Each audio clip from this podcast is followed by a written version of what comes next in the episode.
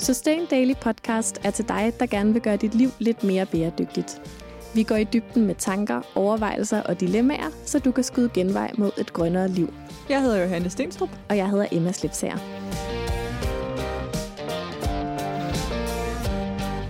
Velkommen til første del af vores øh, todelte podcast om det bæredygtige bryllup. Snakken her er med Sustain Yearlys nye redaktør, Clara Alexandra, og vi kunne simpelthen ikke holde op med at snakke. Sådan er det måske, når fire damer i den giftefærdige alder sætter sig om et bord og snakker bryllup. I hvert fald har vi valgt at dele snakken op i to, og i dag får du altså første del. Vi har længe gerne ville lave den her snak med Clara Alexander, men øh, lige nu så er anledningen super relevant, fordi at vi faktisk er ved at lave et festmagasin, Sustain Yearly Fest, og øh, det kan lige nu købes i forsalg på Boomerang, som er en crowdfunding-side, og øh, vi håber meget, at du vil hjælpe os med at få det her magasin i tryk. Men jeg skal ikke opholde dig længere. Jeg håber, at du vil nyde vores snak og hygge dig lige så meget, som vi gjorde. Hej Johanne. Hej Emma. Det her afsnit af Sustain Daily Podcast er sponsoreret af Zetland. Det og det er mega fedt. Det er mega fedt, og det skal vi nok fortælle meget mere om. Mm-hmm. Men øh, i dag der skal det ikke handle om nyheder. Først til sidst. Præcis. Vi skal snakke om fest. Det skal vi nemlig. Og øh, hvem trænger ikke til et fest? Gud, jeg trænger til en stor, dejlig, lækker fest. Ja, og kan vide, hvornår du kommer til den. Det er ikke det, vi skal annoncere i det her afsnit af podcasten. Nej. Fordi det ved vi selvfølgelig lige så lidt om, som alle andre, der ikke arbejder i øh, hjertet af statsministeriet. Øhm, men jeg tror man ikke engang, godt... de ved det. Nej, det gør de måske heller ikke. Men man kan jo godt snakke om fester. Det kan man. Og man kan jo også godt begynde at planlægge fester. Sådan er det jo med netop. sig. Præcis. Den type fester, vi skal snakke om, er tit planlagt i god tid. Og øh, vi skal snakke om bryllupper, og vi er ikke alene. Det er vi ikke, nej. Med i studiet, der har vi øh, skønne Clara Alexandra, som øh, er blevet mine nye kolleger for en stund. Velkommen til, Pia. Tak. tak. Vil I ikke starte med at introducere jer selv? Jo, Alex, vil du starte? Okay. det vil jeg gerne. Jeg hedder Alexandra, og øh, ja, sammen med Clara, så er jeg redaktør på det næste Sustain Yearly magasin, som vi laver sammen med dig, Johanne. Og øh, det kommer til at handle om fester. Og øh, jeg er kommunikationsuddannet, så det var sådan min indgang til det. Og begynder at skrive en masse og samle en masse godt indhold til magasinet. Ja, yes. super spændende. Jamen, jeg hedder Clara, og jeg er medredaktør med, øh, med Alexandra. Alt, hvad du sagde, det samme. Jeg er også kommunikationsuddannet, og øh, Alexandra og jeg, vi kender hinanden fra en tidligere arbejdsplads, hvor vi øh, hurtigt fandt ud af, at vi havde en super god kemi, både personligt og professionelt. Og så ledte vi bare efter et super spændende projekt, vi kunne kaste os over. Så skulle jeg holde et bryllup, og så øh, ville vi gerne gøre det på en så bæredygtig måde som muligt. Og det øh, er der ikke særlig meget information om, og ikke særlig meget inspiration at finde. Så, øh, så det blev vi hurtigt enige om, at det var det, vi skulle kaste os over. Og nu er det så blevet til bæredygtige fester mere generelt. Fedt. Mm. Og øhm, der fik du jo sagt lidt omkring den erfaring, der virkelig gælder i dag. Fordi uddannelse, det er ligegyldigt. det, jeg tænker, vi kunne måske lige tage en runde om, hvad vores bryllupserfaring er rundt om bordet. Du er blevet gift, lyder til, så du må lige starte. Hvad ja. er din bryllupserfaring? Min, min bryllupserfaring er, at jeg selv har arrangeret mit eget bryllup sammen med min mand. Uh, vi blev gift i september 2019, så vi var lige heldige at, uh, at nå det, inden at uh, corona lukkede hele verden ned. Og uh, ja, så har jeg været selv som gæst til et par bryllupper uh, før det. Jeg glæder mig til at være gæst til nogle, nogle kommende bryllupper, forhåbentlig snart. Siden da, ja. ingen invitationer. Præcis, præcis. Yes. Ja. Ja. Min øh, erfaring med bryllupper kan ligge på et ret lille sted i virkeligheden. Indtil ja, sommeren 2019 havde jeg faktisk aldrig været til bryllup. Jeg havde været til et globryllup. Men øh, ellers så var det to bryllupper sidste sommer, hvor Klares var det ene. Det var en ret fed øh, indgang til, til bryllup, som øh, som koncept. Det har egentlig ikke været noget, jeg sådan har brugt så mange tanker på, indtil jeg så var til, til de to bryllupper, hvor jeg fandt ud af, hvad det egentlig var, det kunne, og hvor fed en fest det kan være, og hvor smukt det kan være. Ja. Så det var så fint. Og det skal vi nok snakke meget mere om. Men øh, Emma? Min bryllupserfaring? Ja. Jamen, øhm, jeg er jo ikke så gammel, så jeg har kun prøvet at blive gift én gang. øhm, jeg regner heller ikke med, at jeg skal giftes igen. Nej. Øhm, altså, øhm, jeg blev gift... Og det er så pinligt, for jeg kan aldrig huske, hvornår det var. Det, jo, det var i 2016. Ja. Og øh, det var mig og min mand, daværende kæreste. Hmm. Ja, han er stadigvæk også min kæreste. Jeg har siden 2016 stadigvæk ikke vendet mig til at omtale ham som min mand. Vi cyklede på Rådhuset, Københavns Rådhus, og blev gift. Øhm, bare os to og nogle øh, officielle vidner. Mm. Og en kinesisk turist, der kom ind midt i det hele og spurgte, om hun godt måtte være med. Hvortil en meget venlig, professionel type fra Rådhuset svarede, no, og lukkede døren. det var rigtig rart for os. Vi var lidt nervøse og sådan lidt ude af os selv. Øhm, og så sidste sommer holdt vi så en stor fest. Mm. For at fejre, at vi var blevet gift, og vi havde fået et barn og alt muligt andet. Så, så det var en... Det var jo en form for bryllupsfest, men også en alt muligt andet fest. Øhm, og så elsker jeg bare bryllupper. Bryllupper er suverænt min yndlingsfest at gå til. Øhm, jeg synes, det er... Der er ikke noget bedre, end at fejre to af ens venners kærlighed. Jeg er altid sådan en, der græder til bryllupper. Jeg elsker talerne. Øhm, jeg kan bare rigtig godt lide konceptet. Ja. Og har heldigvis også fået lov til at være gæst til en del bryllupper efterhånden. Mm. Og så aktuelt er jeg sådan bryllups, i bryllupsunderskud. Øhm, fordi jeg skulle have været til et bryllup det her forår, som jeg havde glædet mig rigtig meget til. Sådan et med overnatning og få børnene passet og afsted og sådan, og det blev så aflyst på grund af corona. Så det var mega ærgerligt. Ja. Hvad med dig, Johanne? Jamen, øh, jeg er ikke blevet gift. Det skal... Til er du ringforlovet. Jeg er ringforlovet på tredje år, og det kommer nok til at være en syv år endnu. jeg har været til ja, fem-seks bryllupper, tror jeg, og er enig i, at det er øh, en helt fantastisk slags fest. Øhm, men jeg har så også været både til gode og dårlige bryllupper, synes jeg. Eller, ej, det er løgn. Magiske bryllupper og lidt mere med bryllupper. Jeg har ikke været til et dårligt bryllup. Øh, jeg ved ikke lige, hvem der hører det her, men... Øh, så kan I jo gætte. Men i hvert fald også... Øh, det gjort mig en hel del tanker. Øh, og mit kommende bryllup med min øh, forlovede er meget, meget minutøst planlagt. Og det er nok også derfor, det ikke sker øh, lige forløbig, fordi der er ligesom lidt for mange luftkasteller mm-hmm. i spil til det. Øhm, og vi vil selvfølgelig også gerne prøve at gøre lidt grønnere. Så det er ligesom min øhm, bryllupserfaring. Waiting to happen har gjort mig sygt mange tanker. Og øhm, derfor synes jeg også, det var spændende at hive jer med. Og ja, som sagt, vi skal lave det her magasin, men som handler bredt om fester. Men i dag, der tænkte jeg, at vi skulle snakke om, hvad der gør en fest, et bryllupsfest mere grøn.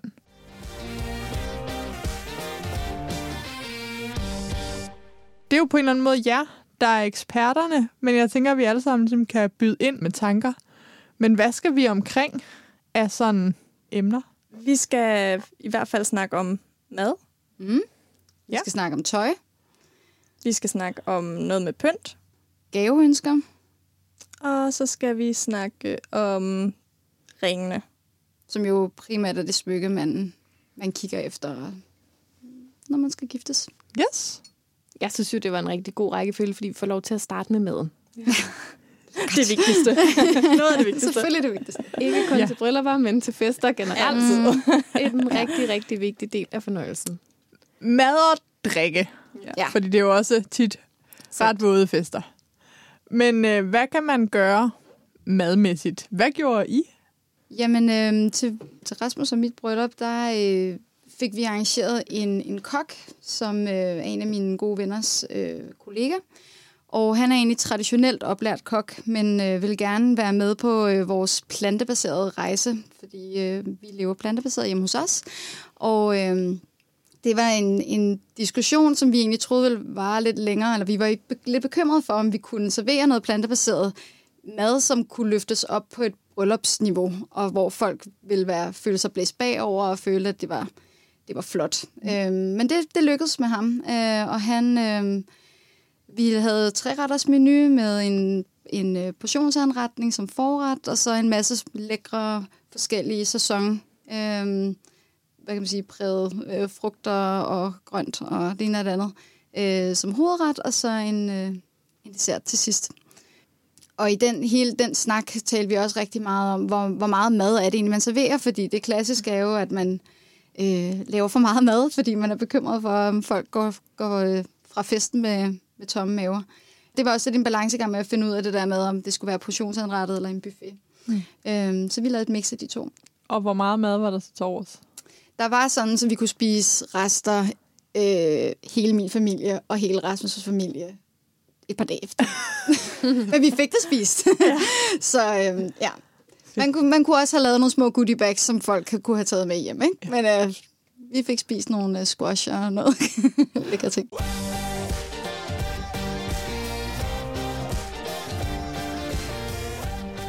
Nu ved jeg jo, Emma, at det lyder meget ligesom jeres historie nærmest. Ja, altså du var der jo, Johanne. ja. øhm, jamen, vi, vi holdt jo festen over en hel weekend. Mm. Øhm, og vi gjorde det, at vi faktisk øh, selv lavede mad, eller vi og vores øh, fantastisk øh, sådan åbensindede gæster, som jeg synes, det var helt fint at få en køkkenchance. Øh, lavede selv mad øh, nogle af dagene, og så den dag, hvor vi havde vores øh, ceremoni, og hvor vi havde band, og hvor det var sådan brylluppet, hvis mm. man skal sige det på den måde, der havde vi fået øh, faktisk øh, hende, som øh, stod for køkkenet på den højskole, jeg gik på, øh, ud og lave mad. Ja. Vi havde lejet et sted, hvor der var sådan et stort industrikøkken, så hun kom der og lavede mad til os alle sammen. Og det var meget det samme koncept. En portionsanrettet forret, og så var der en buffet som hovedret, og så havde vi faktisk købt øh, is og slik til dessert. Mm. Øhm, nice. Og vi øhm, spiste vegetarisk øh, over hele linjen, bortset fra, at vi havde øh, øh, pølser til natmad. Ja. Øh, det var min mands øh, store ønske, at øh, der skulle også være helt almindelige pølser til natmaden. Øh, så der gav jeg mig. Øh, men ellers så havde vi øh, ja, 100 mennesker en weekend, der spiste vegetarisk. Og ja. det var også fedt bare at være helt enige om, at selvfølgelig skulle det være sådan. Mm. Øhm, fordi det er sådan, vi spiser derhjemme.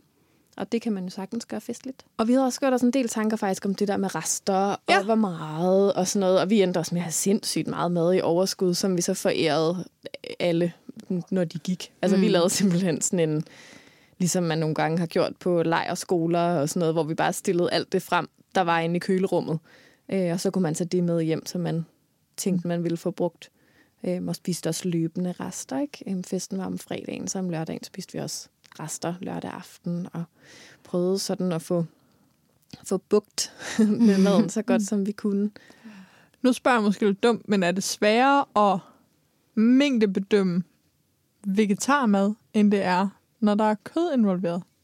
Vi havde i hvert fald en snak med ham kokken, vi havde engageret til vores bryllup, og det, det er helt klart jo typisk, det typiske er jo, at man fokuserer på øh, det stykke kød, der ligger mm. på tallerkenen, og det skal veje en, et vis øh, antal gram, og så er resten ligesom garnityr, eller ved siden af, som folk kan justere op og ned efter, som, som de har lyst til.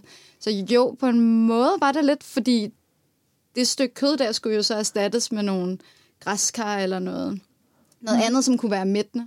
Så det var derfor, vi havde mange forskellige øh, hovedretter. Og det var også et, tanken, at det skulle være et eventyr at kaste sig ned i de forskellige retter. Men, øh, men jeg tror da også, det var en af grundene til, at, at det var så svært at mængdebedømme. Og kokken havde, jeg kunne også se ham inde i køkkenet et par gange svede og være sådan, øh, vi har meget på tallerkenerne nu, er der, er der nok? Og sådan okay. Det ændrer så med at være. Men. Ja.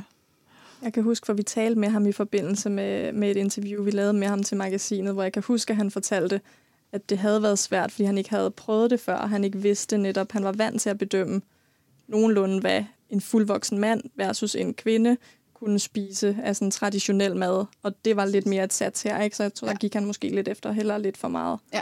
Ja. Øh, hvad man jo tit gør til sådan store arrangementer, ikke? Så, men så længe man har gjort sig nogle tanker om, hvad man så gør med det, der er til overs, så kan man jo komme omkring det, netop med at give det mm. til gæsterne, eller nogen, der har brug for det. Mm. Der findes jo diverse, ja, man kan donere til. Ja. Så så længe man i det mindste har gjort sig de tanker, Så øh, Altså, hvad kan man gøre i stedet for at give sine gæster det med hjem, som vi gjorde? altså, Hvad- der er, jo, der er jo organisationer, hvor man kan give det til folk, der mangler penge eller bor på gaden. Øh, så skal man bare lige tjekke op på, hvad reglerne er for det i ens område, hvor man har tænkt sig at donere det. Der kan man lave en aftale om det. Vi taler også meget om, altså i in case, at det mad, der jo skal smides ud, som har ligget på folks tallerkener, at, øh, at vi rent faktisk havde nogle bioaffaldsspande med, fordi det er også klassisk, at man ikke har det overskud til, fordi du har typisk lejet en lokation eller et sted, som du måske ikke helt kender, og hvordan sørger man så for affaldssortering i den sammenhæng. Øhm, der havde vi i hvert fald sørget for en masse sådan nogle store industri øh, øhm, som køkkenet brugte til at smide okay. det ud, der alligevel skulle smides ud. Ja. Men det kræver så, at man er en kommune, hvor at man kommer af med det bioaffald. Efterfølgende, ja. Ja. Præcis. Men det er der jo flere man jo steder. bare tage det med hjem. Ja, så tager man det med hjem. Flere kilo mad. Ja. Men det er jo øh, mere udbredt end, end som så. Ja. Altså, det der er rigtig, rigtig gode tips. Så For... noget med at spise plantebaseret, ja. eller i hvert fald øh, skære ned på kødet. Mm. Noget med at øh, overveje, hvad der skal ske med Mm. resterne. Og i det hele taget, så den gør sig lidt fornuftige tanker omkring mængder, altså så man ikke Præcis. går Ja. ja. fuldstændig amok. Men jeg tænker, at det, I beskriver, det er jo både... Jeg hører både det her med, at de fleste kokke er opdraget med øh, kød, og når, når man sådan slår op, og spiser folk, så er det også tit udgangspunkt i kødet. Men så er der også buffet-elementet. Mm. Altså hvis man gerne vil have, at folk kan smage lidt forskelligt, så vil der jo altid være mere mad end portionsanrettet. Ja. Det var i hvert fald vildt svært at finde på nettet, fordi vi lavede sådan noget... Vi skulle jo finde ud af, hvor meget mad vi skulle købe til alle de der mennesker. Altså, hvad, hvor meget skal man lave? Mm. Og der prøvede vi netop at søge efter sådan nogle mængdeangivelser, hvor meget spiser et voksent menneske. Øhm, og det, det kan man ikke finde på nettet med øh, vegetarisk mad. Nej. Altså, det er så og så mange gram kød, så og så mange gram kulhydrat, så og så Præcis. mange gram grønt, øh, og så og så mange øh, milliliter sovs. Ja. Og, Ja. og det er jo bare overhovedet ikke sådan et måltid, vi skulle servere til nogen af de måltider, vi skulle lave. Så der er noget, om, som kokke generelt set godt kunne bære bedre til. Men øh, hvis man så har en plan med, hvad der skal ske med det efter, mm. er, øh, er det, jeg hører med maden. Der er jo også, ja, når man laver mad til så st- store mængder, så kan det jo også betale sig netop, du nævnte det kort, men det der med at tale med kokken, eller selv have med i sine overvejelser, øh, om det, man spiser er i sæson. Mm. Altså, øh, om det er noget, der har skulle fragtes langvejs fra, eller ja. Økologisk også gerne. ja, Men altså, jeg vil sige, bare sådan som en lille sidekommentar, altså nu har I så selv lavet jeres mad, hvilket er jo mega fedt. Vi, nu havde vi en, en professionel kok hyret, som er vant til det traditionelle. Altså efterfølgende har vi grint rigtig meget af alle de historier, han gemte for os, indtil dagen ligesom kom, fordi alle de saucer, eller alle de sådan tapenade ting, og, og hvad hedder det, øh, chokolademusen, og alt det, som han plejede at lave, skulle han jo finde nogle alternative mm. ingredienser til. Og han sagde bare, altså, lige inden han var vej ud af døren hen til brylluppet, så var der en eller anden sauce netop, der skilte helt vildt, og han var bare sådan, altså alt, hvad han normalt ville have gjort med smør eller olie, eller hvad ved jeg, det kunne han ikke gøre, så altså, ja, man, man bliver også nødt til at tage en, øh, en, en god snak ja. med, med ens kok, for at finde ud af, sådan, øh, at vende de traditionelle tanker på hovedet, ja. tænker jeg. Og der er jo mange niveauer af det. Da, når du siger, at I havde plantebaseret, så var det så et vegansk Ja. bryllup? Yes. I havde et vegetarisk, Ja. og så kan man jo bare skære ned på kødet. Det behøver jo ikke være til alle retter. Det er ikke sikkert, at man er helt villig til. Øhm, nu smider jeg bare sådan noget som lokalt fanget fisk ind, som jo faktisk kan være ret bæredygtigt. Vi har jo faktisk nogle skidt fisk i Danmark, som både kan være i sæson. Det er nok, fordi jeg selv ikke er helt klar til et vegetarisk bryllup. Men øh, jeg synes, det er fedt, og jeg håber, at, at endnu flere vil tage den udfordring og snakke med sin kokke, og øh, også snakke om, hvad der skal ske bagefter. Jeg oplevede i hvert fald også, at det var en samtale starter. Altså, det var noget, der blev snakket om rundt omkring ved bordene. Det var, hvor lækker maden var, og hvor lidt man savnede kødet. Ja. altså, Det er hvor jeg altid sådan, det- Jesus ja. Christ, altså sådan, er, vi, er det virkelig der, vi er? Men, men mm. ja, det er vi. Altså, ja. sådan, det, det er jo rigtig mange menneskers øh, oplevelse måske, at det er første gang, at de kommer til en sådan stor, fin fest, hvor maden faktisk er uden kød. Mm. Øhm, og, og kunne give det videre til sine bryllupsgæster, synes jeg også var mega fedt. Og så var det fedt, at man kunne smage på noget forskelligt, og at der var mad nok til jeres bryllup. For jeg har faktisk overraskende nok været til to bryllupper, hvor jeg ikke blev mæt. Og det husker man altså. Ja. Jeg husker ikke, hvad vi fik til at spise. Jeg husker bare, at der var for lidt. Ja. Var du for sulten? Der var næste ret. Nå, men det bliver man jo, når der Ja. ligesom er hvilelse klokken sådan noget et, og man så, altså... Ja, ja, det kan være en lang seance. Ja, mad nok. Det er min første prioritet. ja. Yes. Generelt i livet, men også når jeg skal have gæster. Mad nok og en plan for resterne. Ja, så er man Sådan. Så man godt kørende. Ja.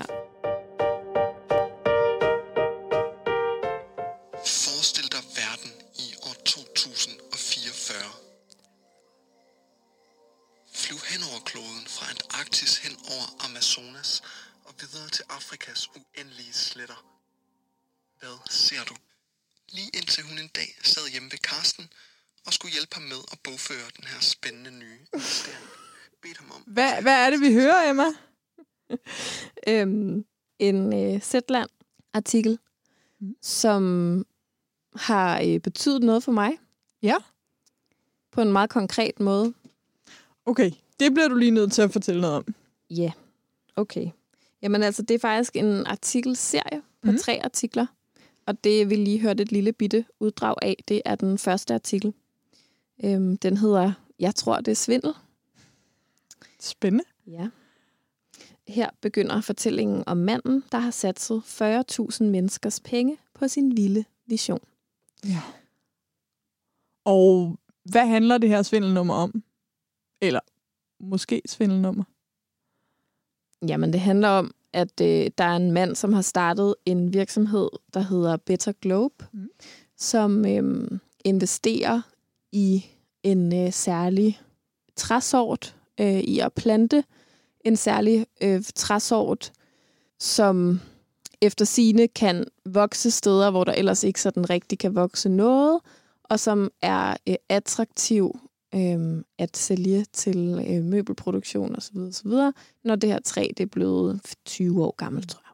Og øh, det kan man så investere i, øh, og få plantet træer for sine penge, mm.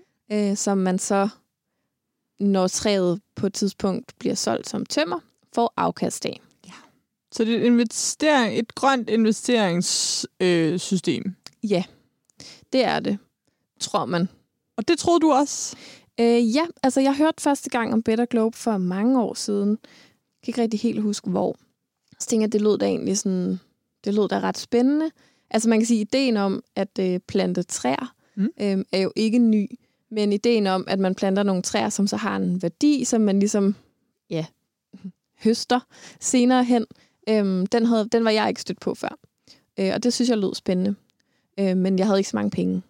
Og så gik der nogle år, og så øh, begyndte jeg at tjene ægte penge, og så tænkte jeg, måske skulle jeg øh, prøve det der Better Globe. Mm. Så fandt jeg det frem, og jeg synes, det var sådan lidt mærkeligt. Altså, min mavefornemmelse var ikke 100% god. Nej. Men øh, jeg googlede det bedste, jeg havde lært, og øh, synes ikke, at jeg kunne finde noget, som talte imod at gøre det her. Øh, selvfølgelig er det en super usikker investering, og ja. det skriver de jo også selv i deres informationsmateriale, at, at altså, ligesom alle mulige andre investeringer, mm. så kan man risikere, at man har investeret i noget, som ikke giver et afkast, øh, og at ens penge går tabt. Øh, så jeg har ikke sådan... Jeg valgte ikke at investere mange penge i det, øh, men jeg valgte at sætte sådan en månedlig betaling op, Mm. hvor jeg betalte, jeg tror, det var 140 kroner om måneden. Og det er noget, jeg alligevel at gøre i halvandet år eller sådan noget, Ja. Og så hørte du artiklerne. før jeg hørte de her artikler. Ja, Og det er vores øh, ven, kan man godt sige, Thijs Molin, det der er det. er researchet igen. Har han afdækket et område. Det gør du sgu godt, Thijs.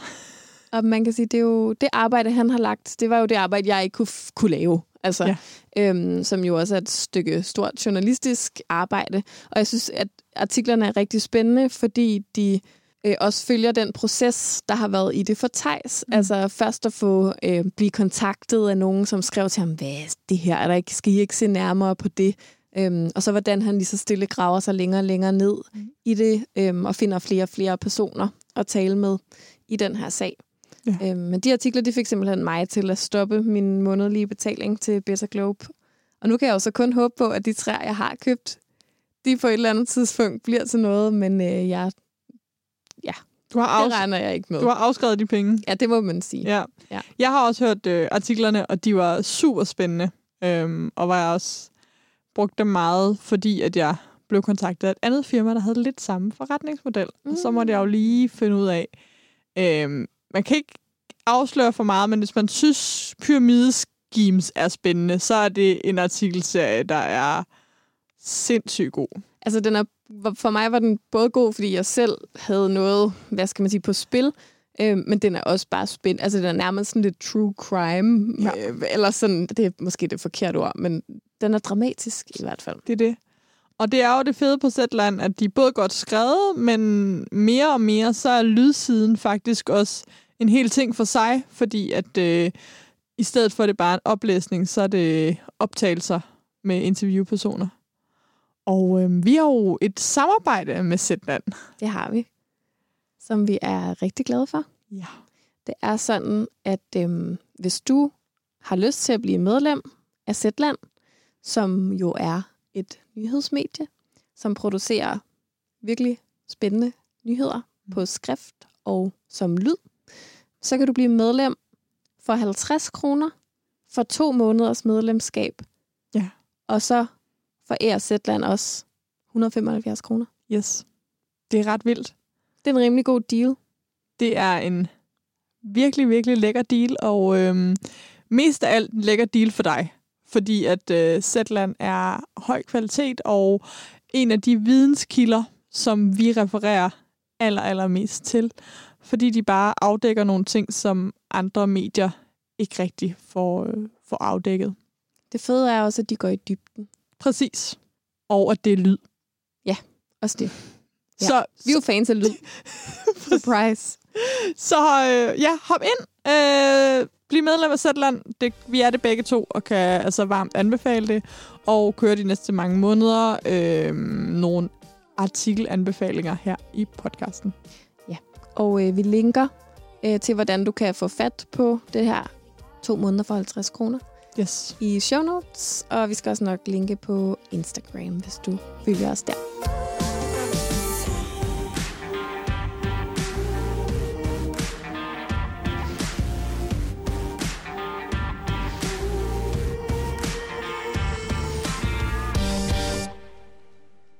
Så hørte jeg, at vi også skulle snakke om mit yndlingsemne.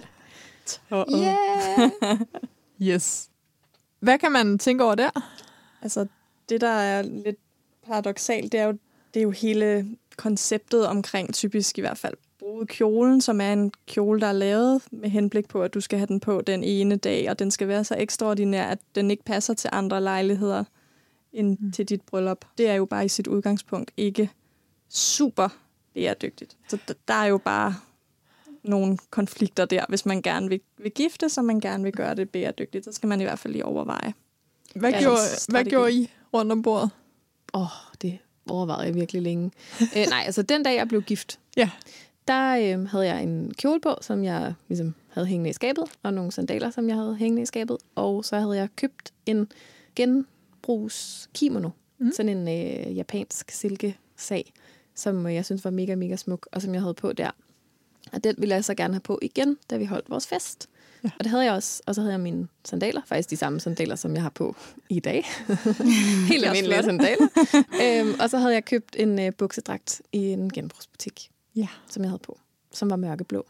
Og som jeg lige har haft på igen Sådan. Ja. til faktisk et havebryllup, som jeg har været så heldig at være til i Ej. Ej. år, selvom corona. Altså brugt øh, noget, jeg havde i forvejen, noget, jeg købte til lejligheden og kunne bruge efterfølgende. Ja. Og, øh, Og ikke hvidt. ikke hvidt, nej. Nej. Hvorfor ikke?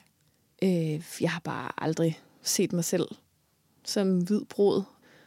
For mig er det meget noget, der hænger sammen med at blive gift i en kirke, Mm. øh, og det skulle vi ikke. Øhm, og en hvid kjole vil jeg aldrig få brugt igen. Øh, den der kimono, den, er ligesom, den har ligesom hvid baggrund, og så er der nogle forskellige farvede blade på. Ja, den er meget, meget fin. Mm. Men den var ligesom lys Ja. i det, ikke? Ja, det var mit sådan øh, nik til den hvide brud. Og så øh, er der jo også andre, der har tøj på til sådan en bryllupsfest, og det er jo gommen. Øh, Ja. Så man, glemmer ligesom altid at tale om hans Det gør man. Men det tænker jeg egentlig bare, fordi han kan have sit jakkesæt på. Ja. Han tager bare sit flotteste jakkesæt, Ja. sin flotteste skjorte og en butterfly eller et slips. Altså, Præcis. det var i hvert fald det, Jonas han gjorde. Så kørte det ligesom for ham. Han ja. behøvede ikke at gå ud og købe noget nyt. Han skulle pusse sine sko, ikke? Ja. Altså, Men øh, der er mændene måske lidt mere sådan... Øh, hvad skal man sige? Der er lidt mere genbrug naturligt i deres sådan, festgarderobe. Ja, hvis End de der har et vores flot i hvert fald jakkesæt. Ja, ja, hvis de har et jakkesæt selvfølgelig. Nu. Ja. Hvad gjorde du? Ja. Jamen, øh, jeg fandt min kjole i øh, en vintagebutik øh, i FN92. hvis Var, man var du hvid brud? Jeg var hvid brud. Vi var også blevet gift i kirke. Øhm, så vi blev gift i vores lokale kirke, som ligger 100 meter fra vores dør. Så det var ret perfekt. Jeg kunne gå ned med min far i hånden eller under armen. Og så ind i den store kirke der. Øhm, så det, det, det, var, det skulle være hvidt. Og, øhm, og jeg fandt den i dagen hos øh, FN92, hvor det var sådan en 30'er kjole, som havde hængt i butikken i øh, ja, fem år eller sådan noget. Og han havde fået den hjem fra USA på et eller andet tidspunkt. Og ja, jeg var forelsket fra første øjekast. Og så var det faktisk, det var faktisk den kjole, der gjorde at hele planlægningen omkring bryllup- brylluppet startede, fordi det er jo hele tiden det der med, hvordan, hvad, hvad skal jeg overhovedet på den dag, og Ja. hvordan skal, ja, pludselig kunne jeg se det, og så, så gik vi i gang derfra. Den købte jeg, og jeg fik syet lidt ind, og hister her, brugte lidt penge på en skrædder. Og så fandt jeg nogle genbrugssko, og jeg fandt en kjole, jeg kunne have på dagen efter til brunch, som vi holdt ved siden af, der hvor vi havde holdt festen dagen efter. Også genbrug. Hvor er kjolen nu? Kjolen er lige nu derhjemme og hænger på min dør ind til soveværelset, fordi den pynter så fint. Øh, Jeg prøver lige nu at finde ud af, hvordan jeg kan sælge den videre, for jeg vil egentlig gerne have, at den får et nyt liv og giver en ny brud glæde. Men jeg skal lige finde ud af, der er ikke lige sådan den oplagte kanal lige nu, jeg har fundet. Det kan Så. være, det kommer. Og hvad med din mand? Nu øh, sagde Ja. Emma jo lige, at øh, det, vi må ikke glemme ham. Vi må ikke glemme manden, nej. Altså Rasmus, han, øh, han manglede det pæne jakkesæt, så han Ja. gik ud og investerede i et, i et rigtig øh, kvalitetsjakkesæt, som han har haft på netop sidenhen til Mm. andre fine Ja. ja. lejligheder. Ja. Mm. Men det er jo også genialt, fordi der kan de nemlig købe. Det har vi også snakket om. Min øh, kæreste ønsker sig virkelig sådan et skræddersyd. Ja. Øh, fordi han kan aldrig finde jakker, der passer. Og der giver det jo virkelig mening at investere i noget, fordi vi ved, at, at hvis han køber noget, som, øh, eller får lavet noget, som, som virkelig bare passer, så bliver det del med brugt. ja, det gør det. Og det gør, både fordi der er færre gange, vi kan bruge en hvid kjole, men også bare fordi der er måske flere følelser, og folk lægger mere mærke til det. Det, det er jo privilegier, har vi kvinder ikke rigtigt. Så I har var begge to i genbrugsskrud. Yes.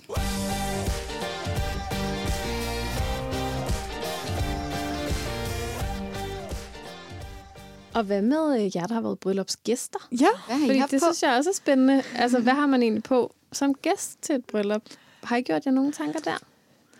Faktisk første gang, jeg skulle til sådan et fint bryllup, et kirkebryllup, og der blev holdt på et hotel, øhm, der var jeg studerende og synes virkelig ikke, jeg havde noget pænt i mit skab. Overhovedet, der var sådan en bryllupsarkanet.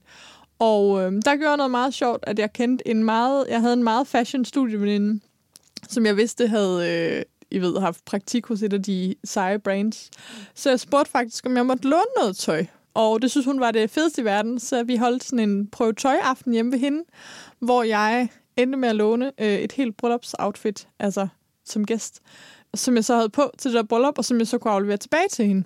Og det synes jeg var en mega fed følelse, og kunne egentlig godt se mig selv måske lege et outfit, eller sådan. Det der også var, det var, at jeg var jo... Øh, altså, jeg, selvom det ikke var nyt tøj, øh, og jeg havde heller ikke selv købt det, så følte jeg mig mega sådan, uh, jeg har lyst til at vise det frem, og det var mega fedt.